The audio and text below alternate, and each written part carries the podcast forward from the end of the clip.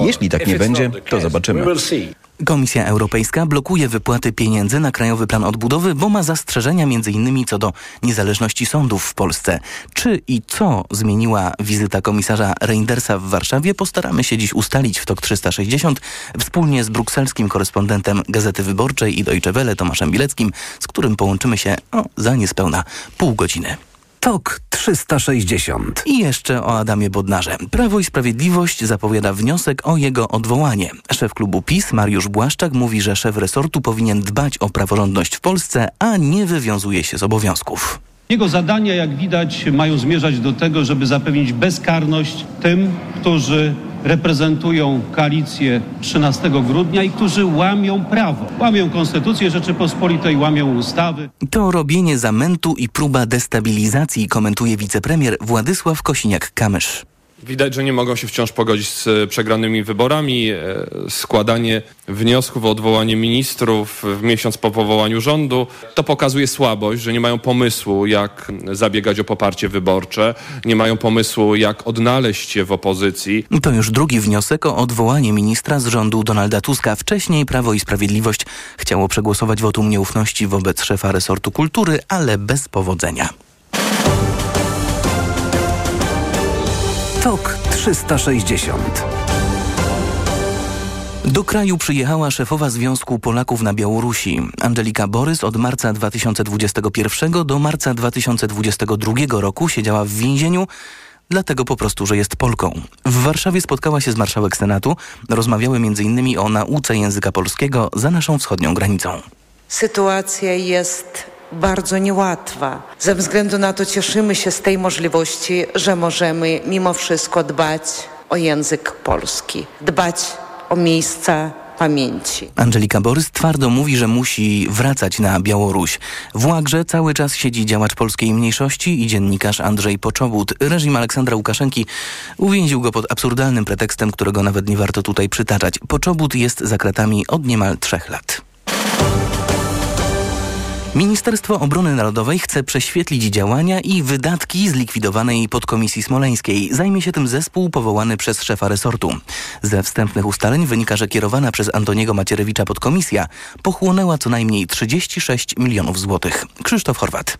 Zespół powstaje po to, żeby prześwietlić działania podkomisji. Nie będzie ponownie badał przyczyn katastrofy, mówi wicepremier, minister obrony narodowej Władysław Kosiniak-Kamysz. Te badania zostały przeprowadzone. Jedynym obowiązującym raportem jest raport komisji pana ministra Jerzego Millera i nie został on zakwestionowany. Zespół tworzy 19 osób. Jak zapewnia kierownictwo resortu, to apolityczni fachowcy, wojskowi oraz urzędnicy, pracownicy ministerstwa i jednostek podległych Monowi. Ich pracą będzie przewodniczył pułkownik pilot Leszek Błach, mówi wiceminister Cezary Tomczyk. To są oficerowie, ekspertki i eksperci, którzy służą siłom zbrojnym niezmiennie od 20-30 lat. Pracowali z wieloma rządami, audytowali i przygotowywali największe procesy w Wojsku Polskim. Elita polskiej armii w zakresie lotnictwa oraz audytu wojskowego. Oczekiwania sformułowane e, wobec zespołu są bardzo proste i jasne. To jest badanie uczciwości, rzetelności, gospodarności i celowości prac podkomisji smoleńskiej, a także sprawdzenie, jak reagowało kierownictwo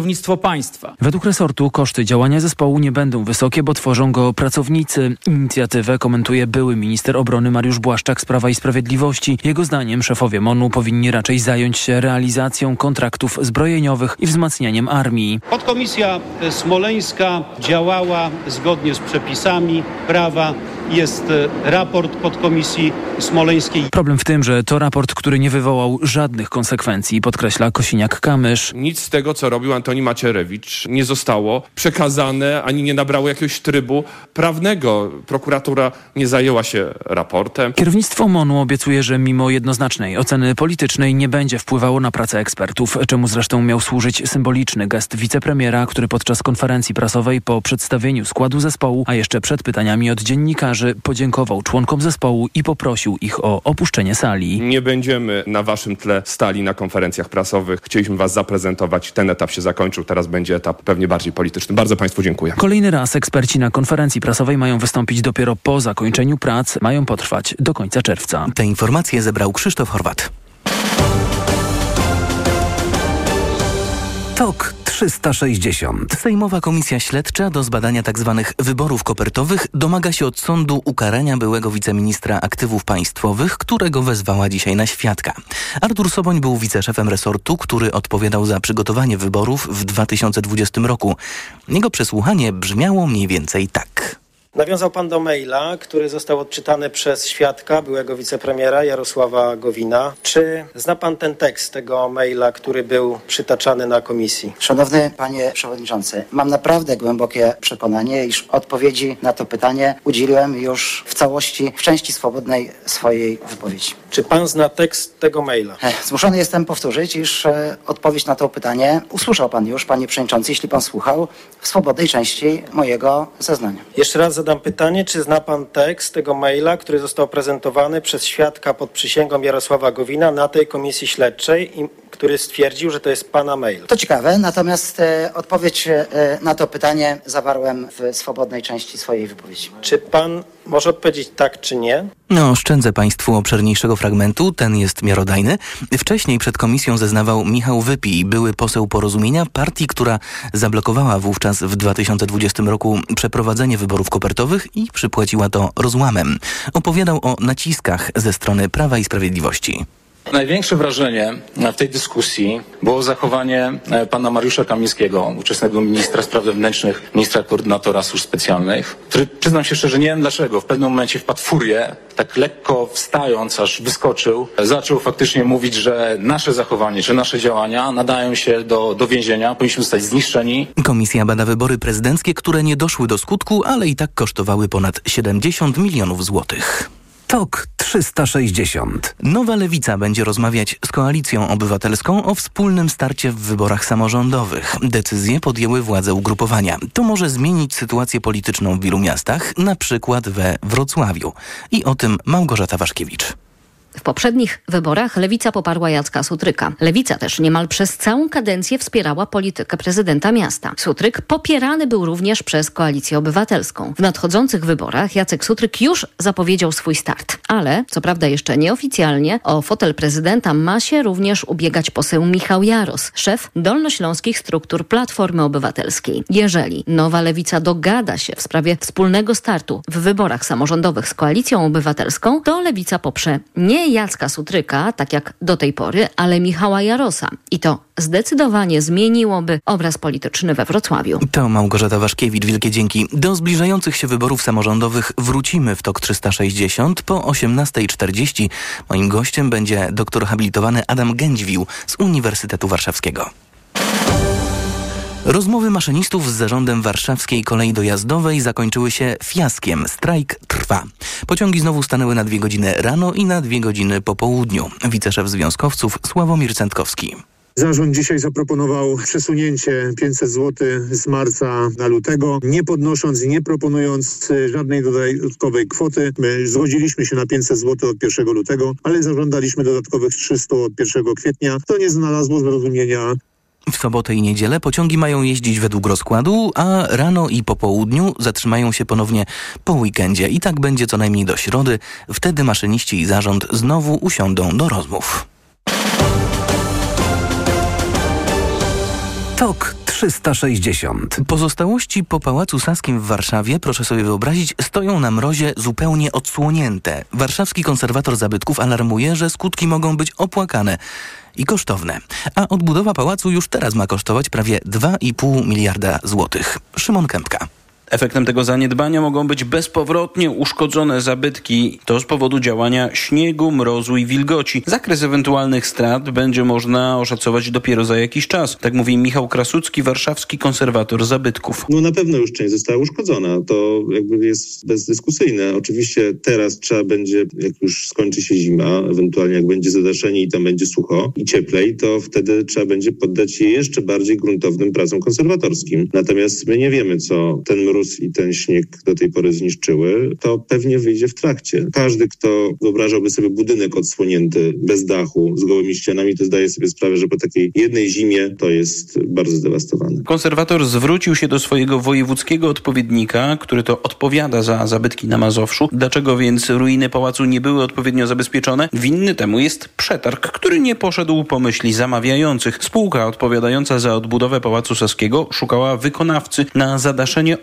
odkopanego terenu piwnic, ale ten zaproponował za to zadanie aż 15 milionów złotych. Na marginesie mówiąc, wiele może wskazywać na to, że to znacznie więcej niż cena rynkowa za takie zadanie. A spółce chodziło nie tylko o odbudowę, ale i o gospodarność. Przekonuje nas Sławomir Kuliński, rzecznik spółki Pałac Saski. W ciągu 12 miesięcy przeprowadzono cztery kolejne postępowania w trybie zamówień publicznych, których celem było wyłonienie wykonawcy zadaszenia. Umowa na wykonanie zadaszenia została podpisana 7 grudnia 2023 roku na kwotę niespełna 3 milionów złotych, a więc jest to pięciokrotnie niższa kwota niż w ofercie, jaka wpłynęła w pierwszym postępowaniu i tego samego dnia rozpoczęto jej realizację. Ostatecznie dopiero za czwartym razem, w czwartym przetargu, znalazł się wykonawca zadaszenia. Jako, że jesteśmy nie tylko dysponentem środków publicznych, jako taki musimy jako spółka dbać o ich zgodne z przepisami oraz gospodarne wydatkowanie. Jesteśmy też świadomi, jaką wagę reliktów mamy przed sobą, tych, które znajdują się na placu Piłsudskiego i wyrazem tego jest chociażby zlecenie opracowanie stanu tych reliktów oraz przygotowanie programu ich konserwacji, który będzie następował w niedługim czasie. Zadaszenie nad piwnicami pałacu ma być gotowe nie wcześniej niż w przyszłym tygodniu. A Pałac Saski ma być gotowy do 2030 roku.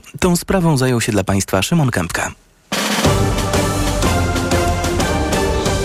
TOK 360. Szczecin, szczękając zębami, ciągle mierzy się z awarią ogrzewania. Elektrociepłownia Pomorzany planuje ponowny rozruch uszkodzonego kotła na niedzielę, co oznacza, że mieszkańcy lewobrzeżnej części miasta mogą odczuwać skutki awarii do poniedziałku. Danuta Misztal ze Szczecińskiej Energetyki Cieplnej. Na ten moment y, sytuacja wydaje się dobra. Kaloryfery są ciepłe, ciepła woda jest również dostępna. Zobaczymy, jak będzie sytuacja się zmieniała, zmieniała po południu, kiedy nastąpi drugi szczyt popołudniowy, kiedy wszyscy wrócą z pracy do domu. Zaczniemy żyć już normalnym weekendowym życiem. Sprawy mają się trochę lepiej ze względu na to, że na Pomorzu Zachodnim są ferie i część Szczecinian wyjechała, wcześniej przekręcając kaloryfery. Można było też zmniejszyć dostawy ciepła do zamkniętych szkół. TOK 360. I jeszcze kluczowa, choć smutna informacja dotycząca polskiej radiofonii. Z TOK FM odchodzi Piotr Maślak. Przez wiele lat był głosem, który budził tych z Państwa, którzy muszą wcześniej wstawać. Naprawdę wcześniej. Tak było dziś rano. Pierwsze śniadanie w toku. Kłaniam się Państwu w ostatnim śniadaniu w toku. Przychodzi taki czas w życiu każdego człowieka, że trzeba podejmować wyzwania, challenge'ować samego siebie. Z wiekiem jest coraz trudniej. Ja właśnie jestem na takim etapie najdrożsi słuchacze i najdroższe słuchaczki. I będzie mnie to bolało, już mnie boli. E, bardzo, bardzo, bardzo będę za Państwem tęsknił. A tymczasem pan Maciej z Łodzi. Dzień dobry. Dzień dobry. No na wstępie po prostu nie mogę sobie wyobrazić tej piątej rano bez pana redaktora, ale... życzę Będzie Wojtek Muzel, będzie wspaniale. Pierwszy program.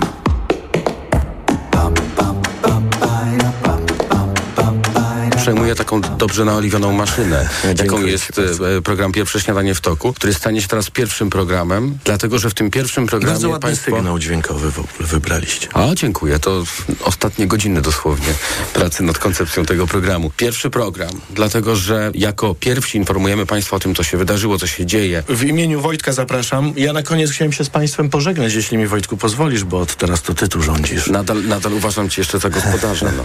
11,5 roku temu, to był 2 października, dokładnie tak. Po raz pierwszy się z Państwem spotkałem w pierwszym śniadaniu w toku. Pamiętam, że kilkanaście dni wcześniej rozmawiałem z Kamilą Ceran, redaktorką naczelną Radia Tok FM i umówiliśmy się na trzy miesiące na próbę. Po pierwszym programie zastanawiałem się, jak ja wytrzymam te trzy miesiące. Wstawać o 3.30 codziennie, żeby być tutaj dla Państwa. Chyba dałem radę. Do zobaczenia, do usłyszenia, nie wiem. Do usłyszenia. Zdradzę Państwu, że z Piotrem to bardziej no, do zobaczenia niż do usłyszenia. Wojtkowi natomiast powodzenia, bo to nie jest łatwy kawałek chleba. Nie wiem, co mówię. Kilka razy mi się zdarzyło zastępować Piotra Maślaka. Pierwszy program z Wojtkiem Muzalem od poniedziałku w TOK FM o 5 rano. A to jest TOK 360, jeszcze wiele przed nami. Pierwsza z brzegu Ekonomia 360 już za moment. TOK 360.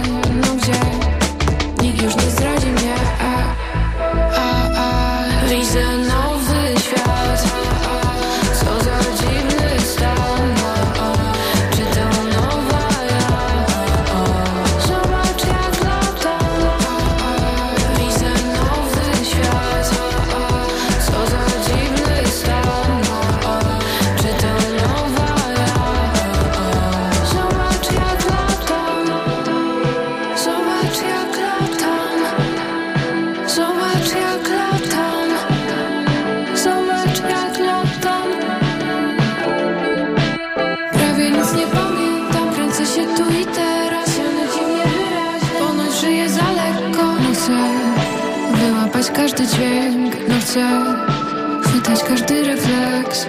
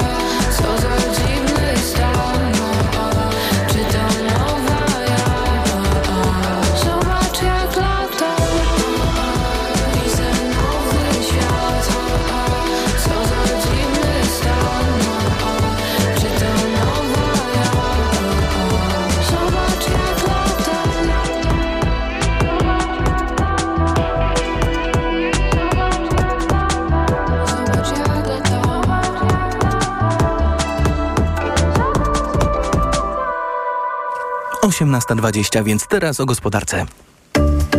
Ekonomia 360. Tomasz Setta, zapraszam. Ministerstwo Finansów odsuwa w czasie podatkową rewolucję dla firm. Chodzi o krajowy system e-faktur, który nie będzie w tym roku obowiązkowy, poinformował szef resortu finansów Andrzej Domański. Poprzedni rząd planował, że tzw. Tak KSEF stanie się obowiązkowy dla wszystkich przedsiębiorców od 1 lipca. Ten termin nie jest już aktualny, mówi minister Domański. Powodem, jak słyszymy, są błędy w systemie wykryte przez nowe kierownictwo resortu. Problemy te dotyczą kodu systemu, jego funkcjonalności oraz wydajności. Nie możemy dopuścić do sytuacji, w której polskie firmy nie mogą wystawiać faktur. Nie możemy dopuścić do sytuacji, w której stabilność obrotu gospodarczego jest zagrożona. Nie możemy dopuścić do paraliżu i bałaganu na kształt Polskiego Ładu. Opóźnienie podatkowej rewolucji dla przedsiębiorców to dobra decyzja, komentuje Piotr Juszczyk, główny doradca podatkowy Infaktu. Jeżeli dzisiaj słyszymy, że system jest e, pełen błędów, no to na pewno ta decyzja jest e, poprawna. Przede wszystkim ten okres, który był, został przespany, że tak powiem, bo nie było żadnych informacji ogólnokrajowych o systemie KSEF. Wielu przedsiębiorców nie wie w ogóle, że jest KSEF, a niektóre osoby, które słyszały, czyli przedsiębiorcy, którzy słyszeli o KSEF, to nie wiedzą w gruncie rzeczy, czym jest KSEF. W mojej ocenie gdzieś około 40-45% przedsiębiorców słyszało o KSEF, natomiast czym jest KSEF, no to tutaj już pewnie będzie poniżej nawet 30%. Ministerstwo Finansów nie podało nowego terminu wprowadzenia obowiązkowego KSEF-u. Ostateczną datę poznamy dopiero po zakończeniu wewnętrznego audytu w resorcie. Analitycy rynku paliw nie mają dobrych wiadomości dla kierowców. Na stacjach benzynowych będzie drożej. W niektórych miejscach polski litr benzyny 95 może kosztować w przyszłym tygodniu 6 zł i 34 grosze, a olej napędowy 6,52. Co dalej? Sporo zależy od sytuacji na globalnym rynku surowców, mówi Magdalena Robak z ePetrol.pl. Na giełdzie w Londynie ceny ropy utrzymują się w okolicy 80 dolarów za baryłkę i w dalszym ciągu kluczowym czynnikiem, który wpływa na nastroje na rynku naftowym jest napięta sytuacja w regionie Morza Czerwonego, która w bardzo poważny sposób zagraża tranzytowi ropy. W najbliższym czasie tańszy będzie jedynie autogaz. Jego cena będzie się wahać w granicach 2,80-2,90 za litr. Tu Radio Tok FM, pierwsze radio informacyjne. Biura podróży i linie lotnicze zachęcają, by przyspieszyć planowanie urlopu. Styczeń to miesiąc, kiedy można liczyć na zniżki na bilety lotnicze i korzystniejsze oferty wakacyjne.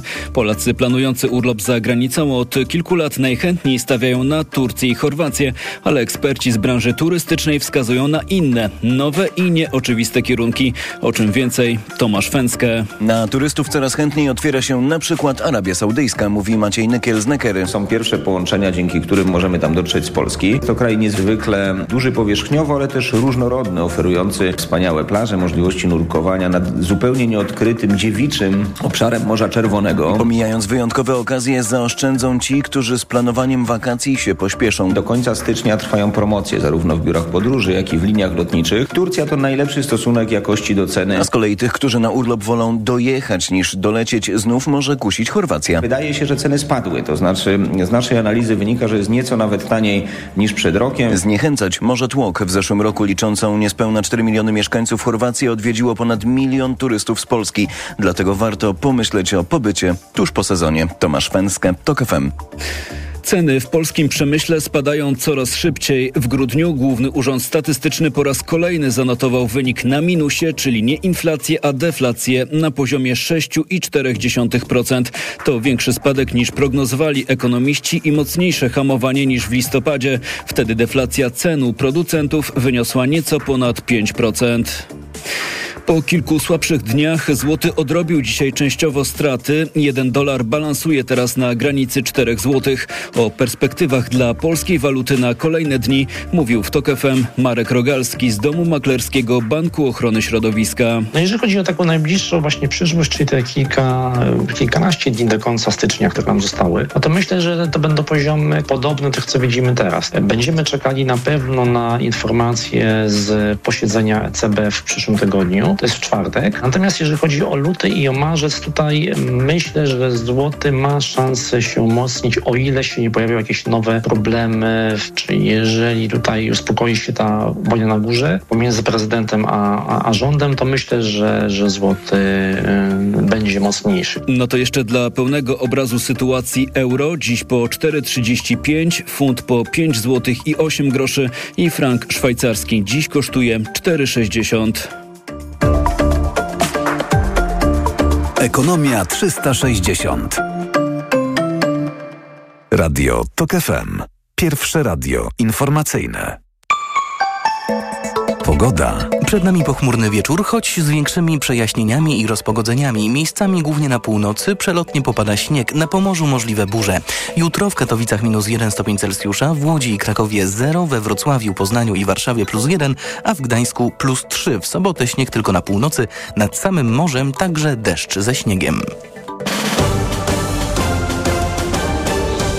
TOK 360. A w podsumowaniu dnia już za moment porozmawiamy o przyjeździe unijnego komisarza sprawiedliwości do Polski i o tym, co wyniknęło z jego spotkania z ministrem sprawiedliwości.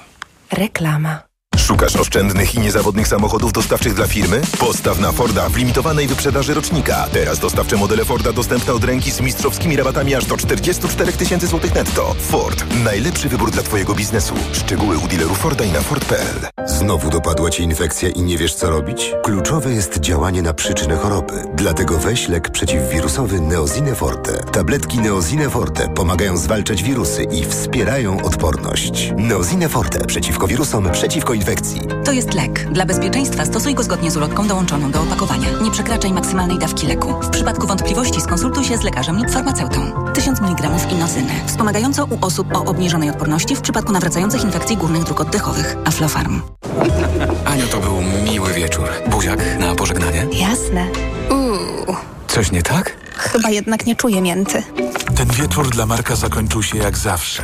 A wystarczyło, żeby zastosował suplement diety Halitomin. Jego oddech pozostałby świeży, a Anna by nie uciekła. Halitomin zawiera wyciąg z ziela tymianku na długo odświeżający oddech. To niewątpliwie szansa dla Marka na udane spotkania. Halitomin. Bloker nieświeżego oddechu. Aflofarm. Zimowy wypoczynek, który zapamiętasz na dłużej. Spędź ferie aktywnie w rodzinnej atmosferze w hotelu Tremonti w Karpaczu. Wygodne pokoje, wyjątkowa kuchnia, relaks w klimatycznych wnętrzach spa. udogodnienia dla narciarzy i snowboardzistów, całoroczny podgrzewany basen zewnętrzny, game room oraz mnóstwo innych atrakcji dla dzieci i rodziców. Zarezerwuj pobyt w stylowym hotelu w zimowej stolicy Karkonoszy i wypocznij w swoim rytmie. Hotel Tremonti w Karpaczu zaprasza na zimowe ferie www.tremonti.pl Zobacz, ile mam już siwych włosów. Niedługo będę wyglądał jak mój tata. Zrób to co ja. Idź do apteki i kup szampon DX2 przeciw siwieniu. Tylko tyle? Srebrny szampon DX2 zawiera fitopigmenty, które wnikają w strukturę włosa i stopniowo przewracają ich naturalny ciemny kolor. DX2. Menopauza? Obecna. A uderzenia gorąca? Są. Zimne poty? Są. Wahania nastrojów? Są. To wszystko przez spadek estrogenów. Dlatego na menopauzę zastosuj produkt o wysokiej zawartości fitoestrogenów. Wybierz Klimea Forte, która zawiera maksymalną dawkę izoflawonów sojowych, czyli fitoestrogenów oraz wyciąg z szyszek chmielu, pomagający łagodzić objawy menopauzy. Dzięki Klimei zapomnisz o objawach menopauzy. Aflofarm.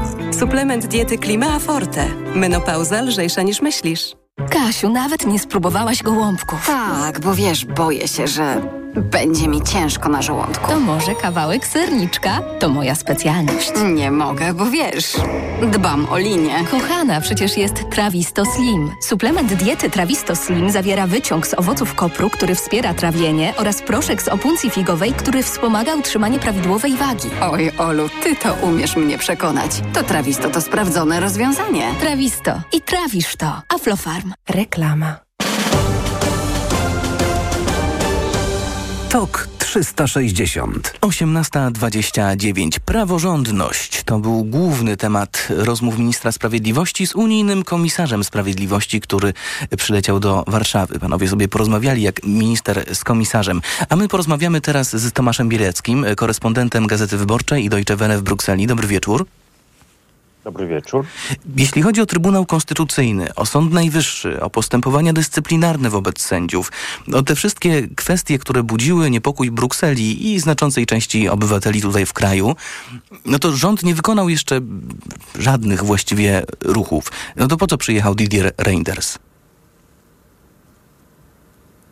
No myślę, że również e, ta wizyta to jest jakiś tam gest e, polityczny. No, On przyjeżdżał również za, za czasów poprzedniego rządu, więc e, tego wymiaru takiego symbolicznego, nie, polityczno, gestu politycznego nie należy, nie należy e, lekceważyć. Natomiast e, z tych wszystkich problemów praworządnościowych i, i, i, i sporów między Brukselą a, a, a polskimi władzami, one toczą się na kilku różnych płaszczyznach, według kilku różnych procedur. Oczywiście najpilniejsze, mm, najpilniejsze są warunki, dosyć skromne warunki praworządnościowe, te, które jeszcze nie zostały wypełnione w, Krajowym Planie Odbudowy. Mm. I w tych kwestiach to jest sprawa naj, najpilniejsza. Rząd Tuska złożył wniosek o, o, o płatność w grudniu, więc e, e, biegnie, biegną terminy, bo Komisja Europejska w ciągu dwóch miesięcy powinna e, ten wniosek ocenić na tak bądź nie. E, I myślę, że i Reinders, i, i, i wiceprzewodnicząca Komisji Jourowa, mm, e, no tymi sprawami się zajmują. E, To jest najpilniejsze w tej, w tej kwestii. No, z jednej strony, z, zarówno zdaniem rządu polskiego obecnego, jak i Komisji Europejskiej, najbardziej eleganckim rozwiązaniem e, tych kwestii, tych skromnych dosyć warunków praworządnościowych z KPO byłyby nowe ustawy, o czym zresztą dzisiaj Reinders mówił na tej krótkiej konferencji prasowej po spotkaniu z ministrem Bodnarem. No tak, tylko że Ale kiedy go zapytano, a co jeżeli prezydent tak. zawetuje te ustawy, to już nie miał takiej dobrej, gotowej odpowiedzi. Tak, ale mówił, że zobaczymy, e, o, o, o, o ile dobrze, e, dobrze pamiętam. Tej Komisja mm, Europejska dosyć od pewnego, od kilku dni, no wysyła takie dosyć, dosyć e, jasne sygnały, które też potwierdzają to, co, to, co e, sa- sam Tusk i, część ministrów mówiła już wcześniej, że e, że jest, można sobie wyobrazić, że nie można wykluczyć, że te warunki z KPO mogą być wypełnione nawet bez ustaw, jeśli, jeśli te ustawy rzeczywiście nie będą możliwe. Y, No nie chodzi o to, żeby, żeby Tusk y, po, po, pojechał do Parlamentu Europejskiego i wy, wy, wygłosił przemówienie, w którym będzie wychwalać praworządność i to wystarczy. Nie, chodzi o jednak działania, o działania zmieniające stan prawny, no ale y, na przykład można sobie wyobrazić rozporządzeniami ministra Bodnara y, poprzez wdrożenie niektórych wyroków legalnych sądów, które wdrażałyby y, orzeczenia trybunałów międzynarodowych, taki można sobie wyobrazić, i tak mówią rozmówcy mm, w Komisji Europejskiej, taki zestaw takich działań nielegislacyjnych, ale zmieniających sytuację prawną sędziów w kontekście postępowań dyscyplinarnych, bo, bo tego dotyczy te, tak naprawdę warunki z KPO. Y, można sobie wyobrazić taki zestaw takich działań, że Komisja Europejska będzie mogła uznać mm, przy pewnej przychylności, y, że warunki praworządnościowe z KPO y, zostały wypełnione. Nie ma tutaj zupełnej politycznej uznaniowości komisji. No właśnie, bo jeżeli, jeżeli Komisja Europejska poprzestanie na mm, zaakceptowaniu zmian poniżej progu ustawy w rozporządzeniach, czy, czy, czy w ogóle w praktyce stosowania prawa, to będzie poniekąd udowadniało tezę, którą Prawo i Sprawiedliwość stawiało przez ostatnie lata, że spór wcale nie jest prawny, tylko że jest polityczny i skoro się zmienił rząd, to i Komisja Europejska zmieniła podejście. Na pewno będą takie zarzuty, na pewno komisja będzie no, musiała jednak być na, y, y, na tyle stanowcza i nie ustępować zbyt mocno, żeby się przed tymi zarzutami y, bronić, bo to nie jest tylko kwestia tego, co powie PiS, to jest też kwestia wiarygodności Komisji Europejskiej wobec Węgier, Słowacji i innych krajów, które mogą, mają bądź mogą mieć w przyszłości spory praworządnościowe z Komisją. E, ale jeszcze raz podkreślę, mówimy o skromnych warunkach z KPO.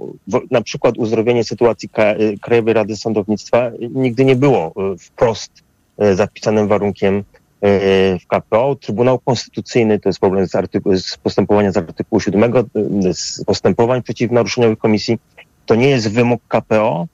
Dwa wymogi niespełnione jeszcze. Jednym z nich było likwidacja Izby Dyscyplinarnej. To ustawa mm, zaproponowana przez prezydenta Dudę dwa lata temu y, y, ten warunek spełniła. No tak, tylko że zamiast Izby Dyscyplinarnej mamy Izbę, y, Izbę zdaje się, kontroli nadzwyczajnej przejęła te uprawnienia, albo druga z powołanych wówczas w izb i ona jest obsadzona tak samo jak Izba Dyscyplinarna przez Krajową Radę, Radę Sądownictwa już po zmianach wprowadzonych przez PiS. Tak, więc to minimum, jeśli chodzi o KPO, tak naprawdę komisarz Reinders jeszcze w rozmowach e, z ministrem e, e, członkowskim Welsenkiem przed ponad rokiem, to minimum na użytek KPO, które pozostało niespełnione i mogłoby zostać spełnione przez projekt ustawy, która, która została zatopiona w Trybunale Konstytucyjnym, to nie wszczynanie, nie obejmowanie sędziów postępowaniami dyscyplinarnymi za przeprowadzanie testów niezależności innego sędziego z urzędu, I to akurat, zważywszy na rolę ministerstwa w postępowaniach dyscyplinarnych, rzeczników dyscyplinarnych, można sobie wyobrazić, ja mogę sobie wyobrazić, że e, przy ministrze, który współpracuje e, z, ze swoim premierem, próbującym się dogadać z Komisją Europejską, to może zadziałać. Poprzedni rząd potrzebował, Morawiecki, Czykowski Welsenk potrzebowali ustawy, ponieważ Ziobro, minister Ziobro, E, był gotów torpedować e, takie pozaustawowe e, rozwiązania na, na poziomie niższym, mm, niższym niż ustawowe rozwiązania, których wymagała Komisja Europejska. Tak, polski rząd tam mówił, że polscy sędziowie nie będą już prześladowani za to i za to i za to, po czym rzecznicy dyscyplinarni wszczynali postępowania, czy tam czy rozpoczynali w stanie procedury przygotowawcze w kolejnych sędziów, torpedując wszelkie odwilże po ich pierwszym czy, czy, czy drugim tygodniu. To jest jedna, jeden punkt tego minimum, czyli ten test niezależności sędziego, który miały być nie, niezagrożony postępowaniem dyscyplinarnym sędziów. To jest to, co komisja mówiła Polskiemu Urzędowi ponad rok temu, nieformalnie. I drugi to rzeczywiście dostęp e, sędziów w ich postępowaniach dyscyplinarnych do niezależnego, niezależnego sądu. Rozmówcy, eksperci w Komisji Europejskiej y, za każdym razem w tych rozmowach jakichś takich y, y, zakulisowych, również z dziennikarzami powtarzają, że to polski rząd, nie Komisja Europejska jest ekspertem od polskiego systemu prawnego i trochę oczekują kroków, nie trochę, kroków z Warszawy. polskiego nie chcą, rządu propozycji, propozycji pomysłów, pomysłów Warszawy i myślę, że te pomysły no jakoś były przynajmniej na ogólnym poziomie dzisiaj tematem y, rozmów y, Reindersa z, z Bodnarem, ministra, czy też ministra ich doradców. z komisarzem. Tomasz Bielecki, korespondent Gazety Wyborczej i Deutsche Welle w Brukseli. Bardzo dziękuję. 18.37 to jest TOK 360. Za chwilę porozmawiamy o zbliżających, wręcz nadciągających wyborach samorządowych. Reklama. Boli mnie gardło. Mamo, zerkniesz? Czerwone. Babcia da ci lizaka. Lizaka? No co ty? Lizaka Naturcept Med Gardło bez cukru. To wyrób medyczny, który leczy podrażnienia, łagodzi ból i nawilża gardło. Mmm, pyszne. Jak gardełko? Już nie boli. To jest wyrób medyczny. Używaj go zgodnie z instrukcją używania lub etykietą. Łagodzi podrażnienia, nawilża i odświeża błonę śluzową jamy ustnej i gardła. Aflofarm. Lizaki Naturcept Med. Pysznie smakują, gardło kurują.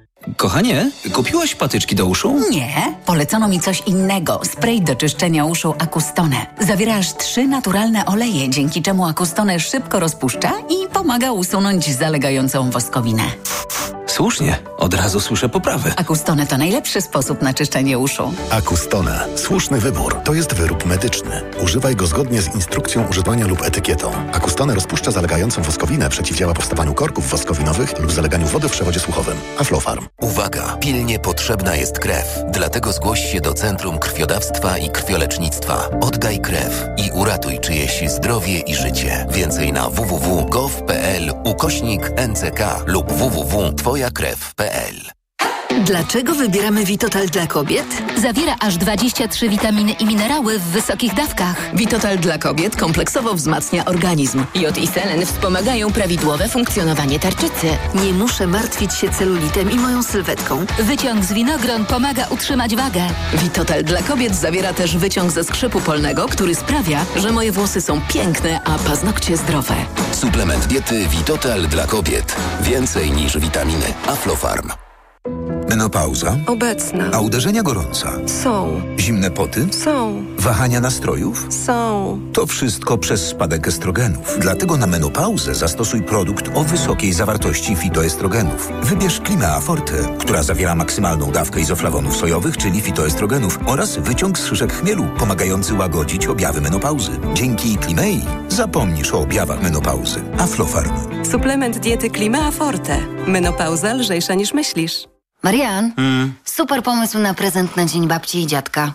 No to ten, no to no wielka wyprzedaż Media Expert oczywiście. No jak? No jak, no tak. Fajny smartfon, laptop albo tablet na przykład kupimy dużo taniej. Super pomysły na prezenty z okazji Dnia Babci i Dziadka znajdziesz na wielkiej wyprzedaży w Media Expert. Telewizory, smartfony, laptopy, tablety, ekspresy do kawy i AGD w super niskich cenach.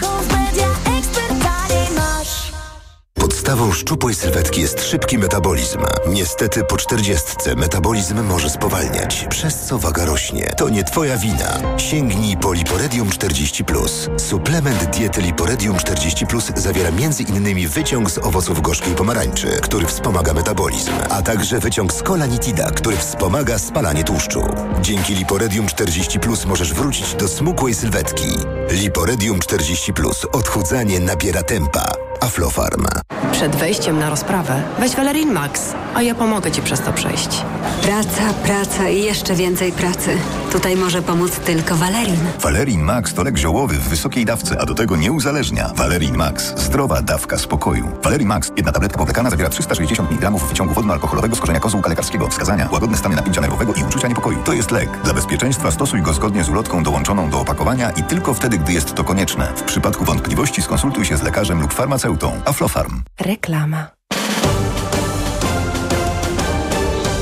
TOK 360. A w podsumowaniu dnia łączymy się z profesorem Adamem Gędziwiłem z Wydziału Socjologii Uniwersytetu Warszawskiego. Dobry wieczór. Dobry wieczór. Panie profesorze, znamy datę wyborów samorządowych, to będzie 7 kwietnia. Nie ma pan wrażenia, że walka wyborcza się rozkręca bardzo powoli? Na trzy miesiące przed wyborami parlamentarnymi to byliśmy już po y, Marszu Koalicji Obywatelskiej w Warszawie, po paru konwencjach. Teraz nie znamy nawet większości kandydatów. A może jest tak, że w gminach i powiatach ta walka się już rozkręciła na dobre, tylko tego nie widać, bo wybory samorządowe to jest właściwie wiele różnych wyborów, tylko dla wygody traktowanych razem. Mhm. E, Tak, to prawda. Wybory samorządowe, y, my zwykle mówimy o nich y, w, w tak, taki sposób, jakby były y, jakimś jednym wydarzeniem, ale w gruncie rzeczy są równolegle odbywającymi się wyborami w gminach, powiatach i województwach, w, których jesteśmy obywatelami. Łącznie wybieramy kilkadziesiąt tysięcy radnych, a także wójtów, burmistrzów i prezydentów.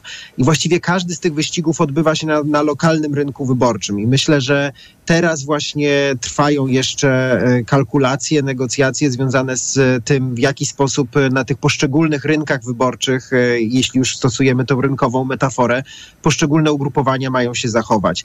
No i po raz pierwszy od dłuższego czasu mamy taką sytuację, że wybory samorządowe odbywają się po wyborach parlamentarnych, a nie W ogóle przed... też mamy wybory samorządowe po raz pierwszy od dłuższego czasu. No tak, kadencja 5,5 roku jest ewenementem.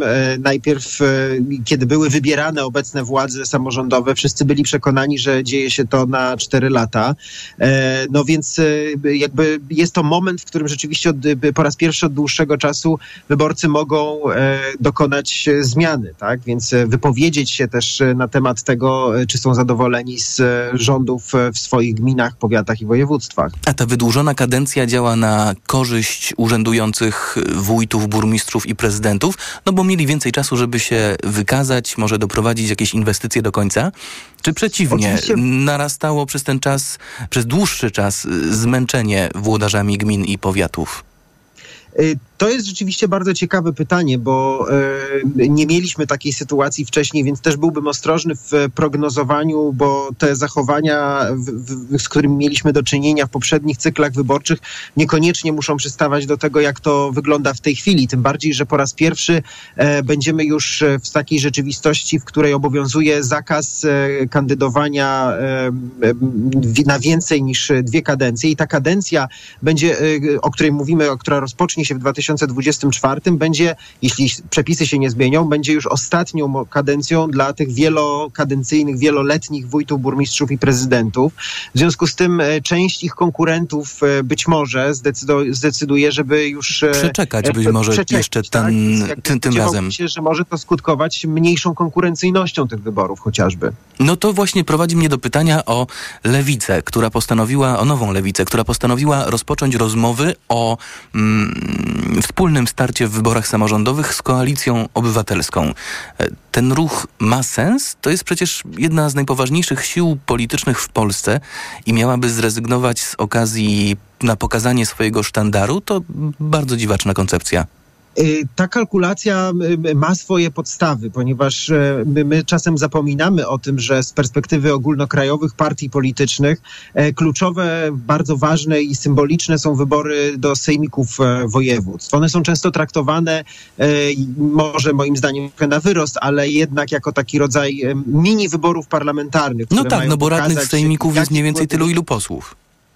Y tak, można, znaczy nieco więcej oczywiście, chociaż musimy też pamiętać, że nieco inny elektorat głosuje w wyborach samorządowych niż w wyborach parlamentarnych i historia pokazuje, że to w jaki sposób wyglądają wyniki wyborów do sejmików, jakby je zagregować w skali całego kraju, to niekoniecznie przystaje do tego, jak wyglądają wyniki wyborów sejmowych e, e, sąsiadujących z nimi. Natomiast e, ta kalkulacja ma o tyle swoje podstawy, że musimy pamiętać, że ordynacja wyborcza, system wyborczy, jaki obowiązuje w wyborach sejmikowych, on jest oczywiście proporcjonalny, ale przez to, że są tam bardzo małe okręgi wyborcze, jeszcze mniejsze niż w wyborach sejmowych, on bardzo mocno, on jest bardzo ryzykowny dla małych i nawet średniej wielkości ugrupowań. Więc partie polityczne, które mogą Potrzeba liczyć po prostu na więcej poparcie... głosów, żeby w ogóle wziąć udział w podziale miejsc w sejmikach Tak.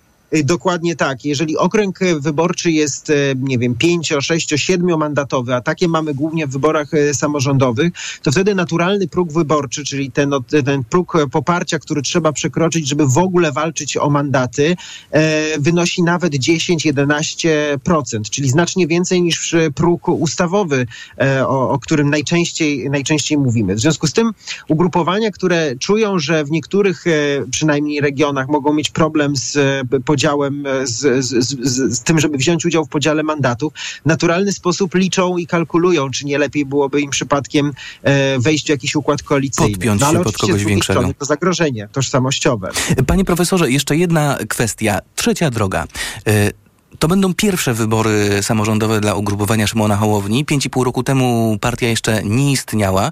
Jak dużym problemem może być trzecia droga, która się cieszy popularnością wśród e, wielkomiejskiego elektoratu, wyborców mieszkających w dużych miastach, dla takich prezydentów jak Jacek Jaśkowiak z Poznania, jak Rafał Trzaskowski z Warszawy, którzy pewnie doskonale wiedzą, że nikt z Prawa i Sprawiedliwości raczej im nie zagrozi, a tu się pojawia siła, która łowi y, na ich terenie.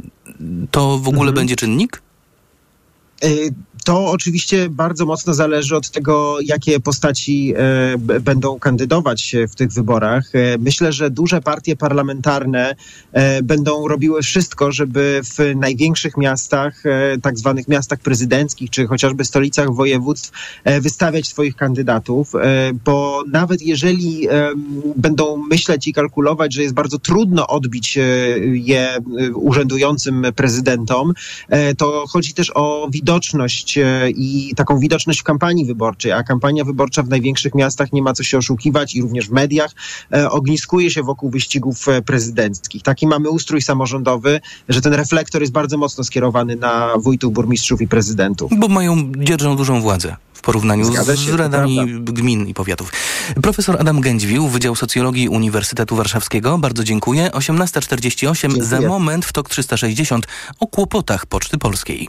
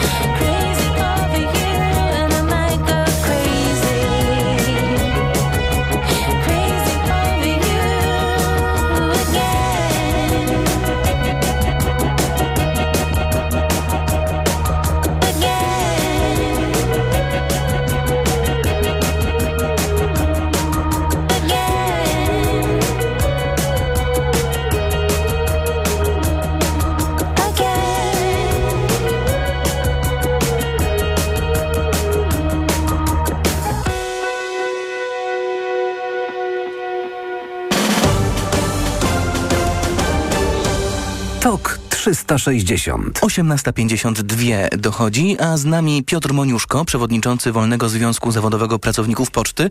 Pracowników Poczty, którzy nie dostaną w najbliższym czasie podwyżek. Tak przynajmniej wynika z uchwały zarządu Poczty Polskiej, do której dotarła Rzeczpospolita. E, Strata Poczty Polskiej w ubiegłym roku wyniosła 787 milionów złotych. Jeżeli to Państwu niewiele mówi, to powiem, że e, są miasta na prawach powiatu, które mają mniejsze budżety. No i w związku z tą ogromną stratą Poczta Polska zamraża działalność. Żadnych inwestycji, żadnych podwyżek, wszystko ma zostać tak jak było, dopóki nie znajdzie się rozwiązanie problemu. Czy związki wiedziały, że jest aż tak źle? Mm, Dobry wieczór. Y, Szczerze mówiąc nie. Cały czas było wszystko z doniesień prasowych i to też są kolejne doniesienia prasowe. Wiedzieliśmy, że jest źle, ale nie aż do tego stopnia. I jak zareagowała załoga i jak zareagował związek? Na rewelację Rzeczpospolitej. Wie pan co, to, to ciężko o reakcję, tak? No bo tu brakuje słów. Gdyż nikt się tego po prostu nie spodziewał, że spółka jest aż w tak bardzo złej sytuacji, aczkolwiek, że coś jest źle, to już żeśmy wiedzieli, bo bynajmniej e, w ubiegłym roku zarząd podejmował podobne uchwały dotyczące ograniczeń w kosztach i ograniczeń w zatrudnianiu pracowników. Także to się już ciągnie od ubiegłego roku.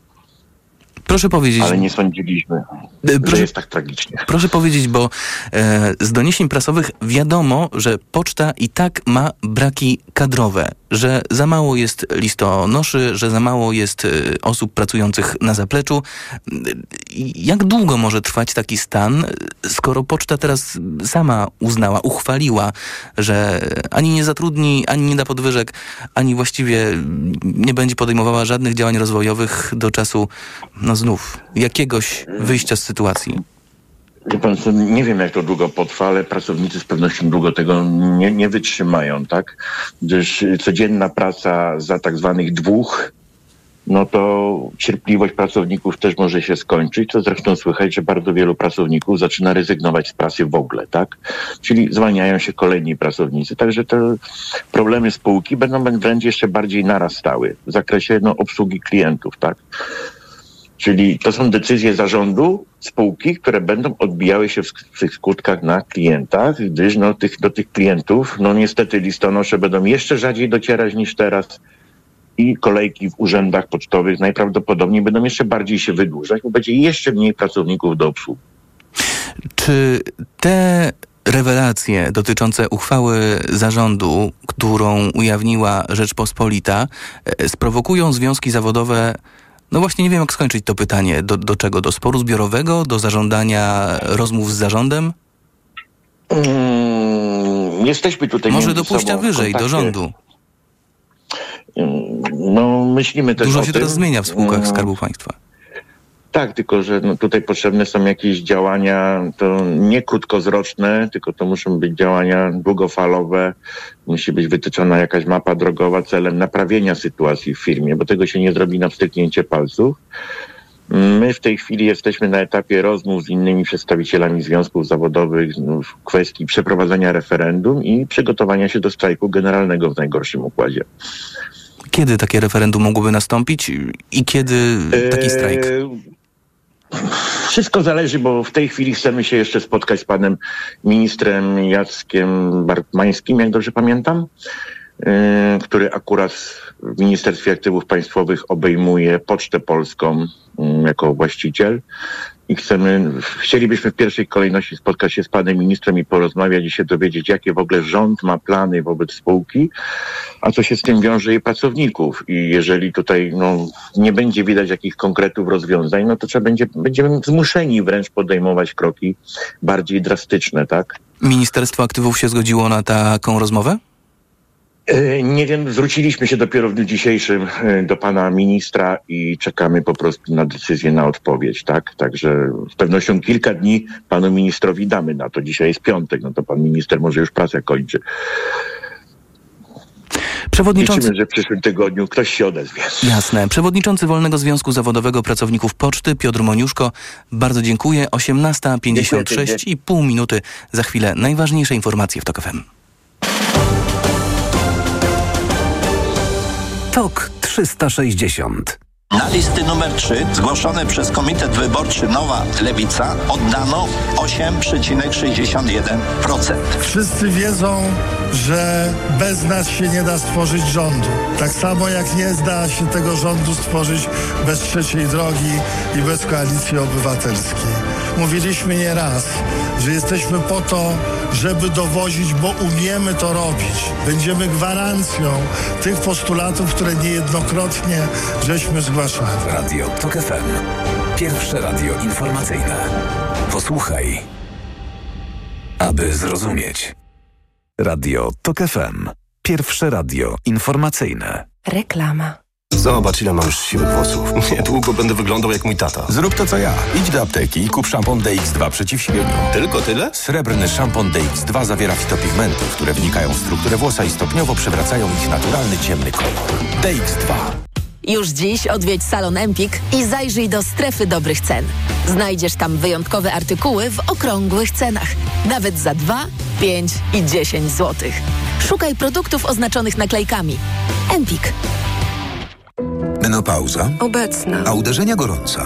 Są. Zimne poty? Są. Wahania nastrojów? Są. To wszystko przez spadek estrogenów. Dlatego na menopauzę zastosuj produkt o wysokiej zawartości fitoestrogenów. Wybierz Klimea Forte, która zawiera maksymalną dawkę izoflawonów sojowych, czyli fitoestrogenów oraz wyciąg z szyszek chmielu, pomagający łagodzić objawy menopauzy. Dzięki Klimei zapomnisz o objawach menopauzy. Aflofarm. Suplement diety Klimea Forte. Menopauza lżejsza niż myślisz. Wietakaj mocie olbrzymi wybór sprzętu narciarskiego i to samiuśkie najlepsze marki świata, tysiące kurtków, nartów, kasków, butów, copek i to syćkie, nowiuśkie? Oczywiście ze Wskitimie, a jo jędruś wam powiem, ze starsze kolekcje wielce atrakcyjnej cenie na was czekają. Dla każdej i każdego do Skitimu leć ta, bo bez Skitimu zimy nie ma. Już teraz wybrane produkty z najnowszych kolekcji kupisz taniej nawet o 50%. Kupuj w sklepach otwartych także w niedzielę lub na skitim.pl. Podstawą szczupłej sylwetki jest szybki metabolizm. Niestety po czterdziestce metabolizm może spowodować